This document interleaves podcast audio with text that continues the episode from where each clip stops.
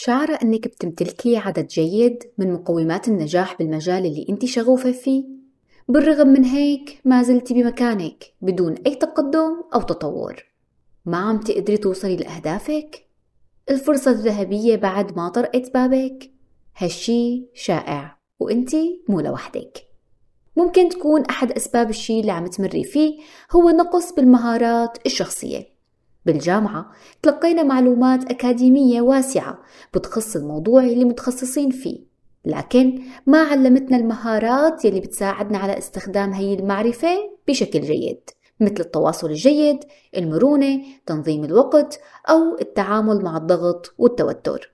حديثنا لليوم رح يكون عن أهمية تطوير مهاراتك الشخصية وكيف ممكن تبدأي بهالشي وكمان رح أذكر قصص لمشاهير ولأشخاص قابلتهم خلال الاستشارات وكيف تغيرت حياتهم بعد ما قرروا يطوروا من شخصيتهم. تابعوني.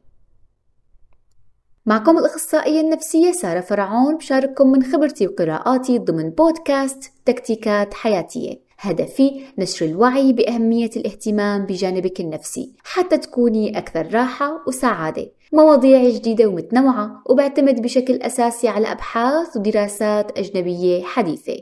بحب ذكر إنه إذا حابة تحجزي استشارة نفسية معي بتقدري تعملي هالشي عن طريق تعبئة الاستمارة الموجودة بصندوق الوصف. عنوان حلقة اليوم جددي ذاتك. هالقصة هي بحبها كتير. فهي من أكثر القصص يلي بتلخص أهمية تطوير الشخصية وشو ممكن يخسر الإنسان إذا ما عمل هالشي. صاحب القصة إنسان مميز فعلا ومبدع بالفطرة. نشأ وهو بيمتلك هالشعور ووالديه عززوا ودعموا هالشي اللي عنده. هالشخص كان كتير شغوف متفوق مثابر بعمله واللي كان صناعة الحواسيب.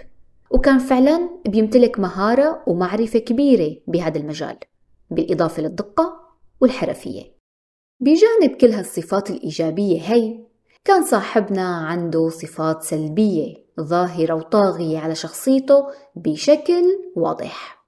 كان مغرور كتير لحد التكبر والنرجسية لدرجة أنه بأحد الشركات يلي كان يعمل فيها طلبوا منه أنه يشتغل دوام مسائي لحتى يكون لوحده وما يعمل مشاكل مع الموظفين.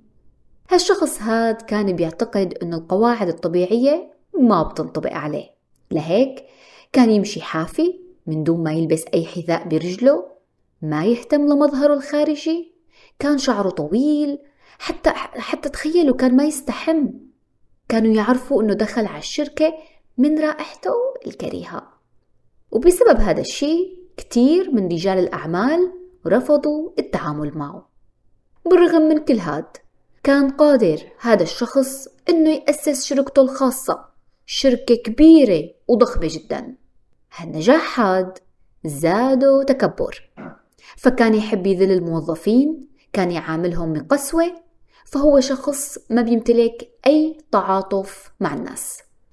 لما أي شخص بيأسس شركة ضخمة غالبا ما رح يقدر يكون لوحده. في شركاء في إدارة في ممولين. ما بيقدر يتخذ قرارات لوحده. في مجلس إدارة لازم يستشيره. بعد فترة من الزمن بدأت قرارات هالشخص هاد تأثر على الشركة بشكل سلبي. بدأت تأثر على المبيعات وعلى الأرباح. وهون أكيد الشركاء والمساهمين بالشركة ما رح يوقفوا مكتوفي الأيدي. نتيجة تكبره عناده وازدراءه للآخرين ولكل من حوله تم طرد هالشخص من شركته. تخيلوا. شركته يلي هي شركة أبل نعم عم احكي عن ستيف جوبز صاحب أكبر شركة للهواتف المحمولة الآيفون. جوبز فشل بسبب عناده افتقاره لمهارات تواصل جيدة مع الآخرين للتعاطف للطف والاحترام. خروجه من الشركة كان درس صعب جدا لجوبز وترك أثر كبير فيه. أكيد كتير صعب إنه يخرج شخص من شركته يلي أسسها وتعب فيها. لهيك هالدرس هاد غيره كتير. بيقول أحد معارفه أفضل شي حدث لستيف أو لجوبس بحياته هو لما فصلناه من الشركة. وقلنا له أغرب عن وجهنا. اتفق معه كتير لهذا الشخص بأنه هي القسوة الأبوية مثل ما سموها جعلته أكثر حكمة ونضج. يعني بين قوسين ستيف جوبز تعلم من كيسه. وبالفعل عاد جوبز أخيرا لشركته آبل بعد 11 سنة من الغياب. وبهديك الفترة بنى جوبز إمبراطورية آبل يلي بنعرفها هلأ. تخيلوا كان بيلزمه 11 سنة للتغيير. بيقولوا إنه جوبز كان بيعاني من اضطراب الشخصية النرجسية وهدول الأشخاص نادرا ما يطلبوا المساعدة من أي أخصائي نفسي لأنهم أصلا ما لهم مقتنعين إنهم بحاجة للتغيير. والنتيجة بتكون إنه ممكن يخسروا كتير أشياء بحياتهم وتتوقف قدرتهم على متابعة تحقيق أهدافهم وطموحاتهم. هي أنا لسه ما حكيت عن الجانب الشخصي لجوبس. كمان كان يعاني من كتير مشاكل إلها علاقة بالأسرة وبالأصدقاء وبمحيطه الاجتماعي. لو جوبس كان واعي بأهمية التغيير ولجأ لمختص أكيد ما كان مضطر ينتظر 11 سنة ليجبروا الزمن على التغيير بعد ضربة قاسية وموجعة.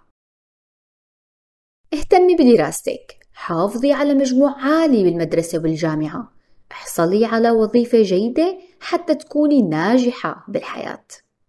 هي الحكمة القديمة معظمنا تربى عليها للأسف. يا ترى قد إيه درجة مصداقيتها بالحياة العملية حاليا؟ بالواقع النجاح بالحياة ما بيعتمد فقط على الدرجة العلمية أو المعلومات اللي بتعرفيها. بدك كمان مهارات مهارات شخصية. فشو رح تفيدك شهادتك العلمية بزواجك أو طريقة معاملتك مع الجنس الآخر بعلاقاتك الاجتماعية بإدارة الضغط والتوتر اللي عندك. كتير بنسمع أشخاص بيقولوا فلان كان يدرس معي بنفس الجامعة تخرجنا بنفس الدفعة. علاماتي على فكرة ومجموعي كان أحسن منه بكتير. يا الله ليه هو هلأ متفوق وتميز بعمله وقدر يبني سمعة واسم قوي؟ وأنا مكانك راوح. اي مو عدل مو عدل أبدا. كيف هيك؟ يعني مستحيل. تسعين بالمية ممكن يكون الفرق بين الشخصين بالمهارات الشخصية فقط. فالتعلم المستمر هو مفتاح أساسي من مفاتيح النمو والتطور بالحياة. تطوير المهارات الشخصية باستمرار هو جزء مهم من التعلم المستمر. هالتطور هاد بيشمل مجموعة متنوعة من المهارات مثل التواصل، تنظيم الوقت، تخطيط الأهداف، المرونة والصبر.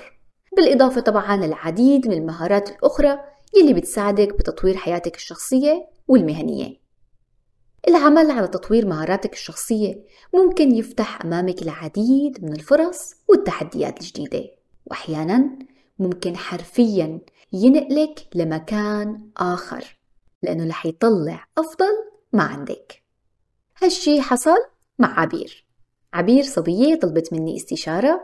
طبعا بحب ذكر أنه قبل ذكر أي قصة أو مثال بغير الاسم وبعض التفاصيل اللي ممكن تكشف عن هوية صاحبها طبعا بغرض الخصوصية والحفاظ على السرية. وطبعا بيتم أخذ رأي صاحب القصة. عبير شخصية ذكية مرحة ومميزة لكن كان ينقصها بعض الجدية بحياتها تبدأ بأشياء وما بتنهيها. عندها مشكلة مع التغيير. عندها اعتقاد داخلي متجذر أنه التغيير شيء خاطئ. الإنسان الجيد هو يلي ما بيتغير وبيفضل دائما على حاله. فممكن إذا تغير هالشي يأثر على الأشخاص المحيطين فيه وعلى علاقاته الاجتماعية. هذا كان معتقدها. وكانت هي مبسوطة جدا بهذا المعتقد وأمورها تمام. لحد ما إجا الوقت يلي بدأت هالأفكار والمعتقدات هي تأثر على حياتها. صارت تشوف إنه هي عندها أهداف وطموحات معينة بس ما عم تقدر تحققها. صارت تشعر إنها عالقة بمكانها. ما عم تقدر تتقدم أو تتطور بعملها وبحياتها. كل اللي حولها من الأصدقاء ومن العائلة عم يتطوروا وتجيهم فرص حلوة إلا هي. شعرت عبير بالإحباط ودخلت بحالة بتشبه الاكتئاب. كان عندها مشاعر سلبية معظم الوقت مع مشاعر عدم رضا عن شخصيتها وحياتها. لما قابلت عبير لأول مرة خلال الاستشارات كانت كتير محبطة مشاعرها سلبية ما عندها أمل. بالإضافة لتقديرها المنخفض لذاتها بشكل واضح. تعرفت عليها بشكل منيح ناقشنا هالأمور كلها وبعد عدة جلسات بدأنا بالخطوات العملية. بدأنا بالشغل على تقديرها لذاتها. الشيء اللي اقترحته عليها هو التطوع. التطوع طريقة رائعة جدا لرفع تقدير الذات. تعلم أشياء جديدة واكتساب مهارات مختلفة. طبعا عبير كانت بالبداية مترددة وخاصة أنه فكرة التطوع جديدة عليها وهي ما كانت أصلا مع هي الفكرة. أنه أنا ليه أروح أقدم خدمات مجانية لأشخاص ما بعرفهم؟ شو رح أستفيد؟ شو رح أحصل بالمقابل؟ بعد ما ناقشنا هالموضوع حكينا عن إيجابيات وسلبيات التغيير أفكارها عن التغيير وطلعنا كمان بإيجابيات وفوائد للتطوع قررت عبير إنه تجرب. خلال أسابيع قليلة بعد تجربة التطوع عبير أظهرت جانب جديد ورائع من شخصيتها. تقديرها لذاتها ارتفع بنسبة ملحوظة نفسيتها أفكارها السلبية مشاعرها السلبية كله اتغير. وأهم شيء إنها كونت شبكة من العلاقات رائعة جدا. اتعرفت على أشخاص ممكن يساعدوها بتحقيق أهدافها وبدأت تمشي بهالشي من فترة اجتمعت فيها من جديد وبدأنا بتقييم التطور يلي وصلت له. اكتشفنا قد إيه التغيير البسيط خلاها تكتسب مهارات جديدة مثل المرونة مهارات التواصل مع الآخرين اللطف المساعدة وقد إيه هالمهارات الشخصية الجديدة غيرت حياتها ووضعت فرص جديدة بطريقها وخلتها قريبة أكثر من تحقيق أهدافها وكل هاد أدى لصحة نفسية أفضل. أوه! طلع تطوير مهاراتنا وصفاتنا الشخصية أمر كتير مهم. طيب سارة كيف منقدر نحقق هالشي؟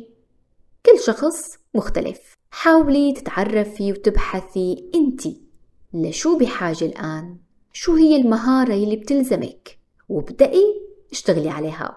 صحيح إنه في مهارات كتيرة مفيدة وحلو كتير كلنا نتمتع فيها لكن بالرغم من هيك كل شخص مختلف. القيادة مثلا مصطلح شائع جدا هالأيام كوني قيادية كوني مهارات القيادة بالفريق طيب يا ترى ضمن دورك بالحياة أو ضمن عملك حاليا دراستك هل القيادة مفيدة إلك؟ هل رح تساعدك بتحقيق أهدافك؟ هل أنت فعلا بحاجة إلها؟ هل هي بتشبهك؟ بتشبه شخصيتك؟ أكيد مو كلنا رح نكون قياديين ونعرف نبني فريق ونوجه ونعطي فيدباك كل إنسان مختلف بالنهاية وكل إنسان في صفات ومهارات بتناسبه بس ما بتناسب غيره.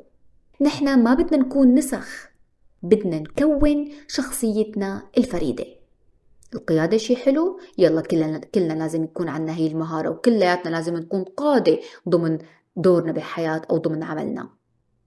طيب إذا هالشي حصل فعلا كيف بنقدر نبني مجتمع متكامل؟ نحن بحاجة لكل المهارات وكل الصفات لذلك قبل ما تقرري تطوير أي صفة أو مهارة شخصية عندك من المفيد إنك تسألي نفسك هالأسئلة هي شو هو هدفي الكبير بالحياة؟ أنا شو أهدافي؟ شو برغب حقق؟ لشو بدي وصل؟ يا ترى هي الأهداف هي أهدافي بالفعل؟ ولا أنا متأثرة بشخص أو إعلام أو يمكن فكرة إذا ما حققت هي الأهداف هي شو ممكن يحصل؟ وكمان لما أحقق هي الأهداف شو ممكن يحصل؟ طيب يا ترى شو هي المهارات يلي ممكن تساعدني إني أوصل لهي الأهداف؟ أنا شو عم أعمل كخطوات عملية لحقق هي الأهداف؟ يا ترى عم أقرأ كتاب عن هالمهارة؟ قررت أحجز جلسة مع أخصائي نفسي؟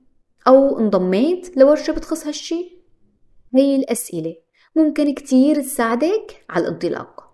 فقبل تعلم أي مهارة جديدة من الضروري إنه يكون عندك هدف ويكون هالهدف واقعي. بعد هيك من الضروري اتخاذ خطوة عملية مثل تسجيل دورة مشاهدة فيديو أو الخطوات اللي ذكرتها قبل شوي. وبعد ما يتحدد هدفك وتكتسبي شوية معلومات عن المهارة اللازمة لتحقيق هدفك بتبدأي تطبقي بشكل عملي. بدك تبدأي تستخدمي هالمهارة هي بحياتك اليومية. ترغبي إنك تتعلمي المرونة. بدك تبدأي تكوني أكثر مرونة مع أهلك أصدقائك أو زملائك بالعمل. بدك تبدأي تتغاضي عن أمور أنت من قبل ما كنت تتغاضي عنها. وأثناء التطبيق العملي من الضروري إنه يكون في خطة. أنت لوين رايحة؟ قد عاطية نفسك وقت لإتقان هالمهارة هي لحتى تقدري تقيمي تقدمك؟ من الضروري إنه يكون في عندك خطة. بشكل عام كل إنسان مختلف. بعض الأشخاص ممكن يستغرقوا ثلاثة شهور ليتقنوا مهارة معينة وبعضهم ممكن ياخذوا السنة. أكيد مو 11 سنة لأنه ستيف جوبز هو ما كان واعي أصلا للصفات السلبية اللي عنده. الدراسات بتقول لإتقان أي مهارة غالبا بنستغرق ما بين 3 ل 6 أشهر. من الجيد أنه نتذكر أنه خلال هالفترة هي رح نكون بحالة صعود وهبوط. شوي بتشعري بأنك نجحتي وعم تمارسي هالمهارة بسهولة وبتمر عليكي مواقف تانية بتشعري أنك بعيدة عن هي المهارة. بحب خبرك أنه هالشي طبيعي جدا. فمنحنى التغيير دائما متعرج صاعد وهابط ما بيمشي أبدا بخط مستقيم. وهذا هو الشيء الصحيح. التغيير الفعال هو اللي بيتم بخطوات صغيرة لكن ثابتة أدومها وإن قل. أثناء المضي بطريق اكتساب مهارة جديدة من المفيد إنك تتذكري بعض الأشياء المهمة. حاولي إنك تبتعدي عن المقارنة. لأنها رح تضبط من عزيمتك. من المفيد إنك تبتعدي شوي عن تصفح وسائل التواصل لأنها من أكثر الأشياء يلي تجلب المقارنة.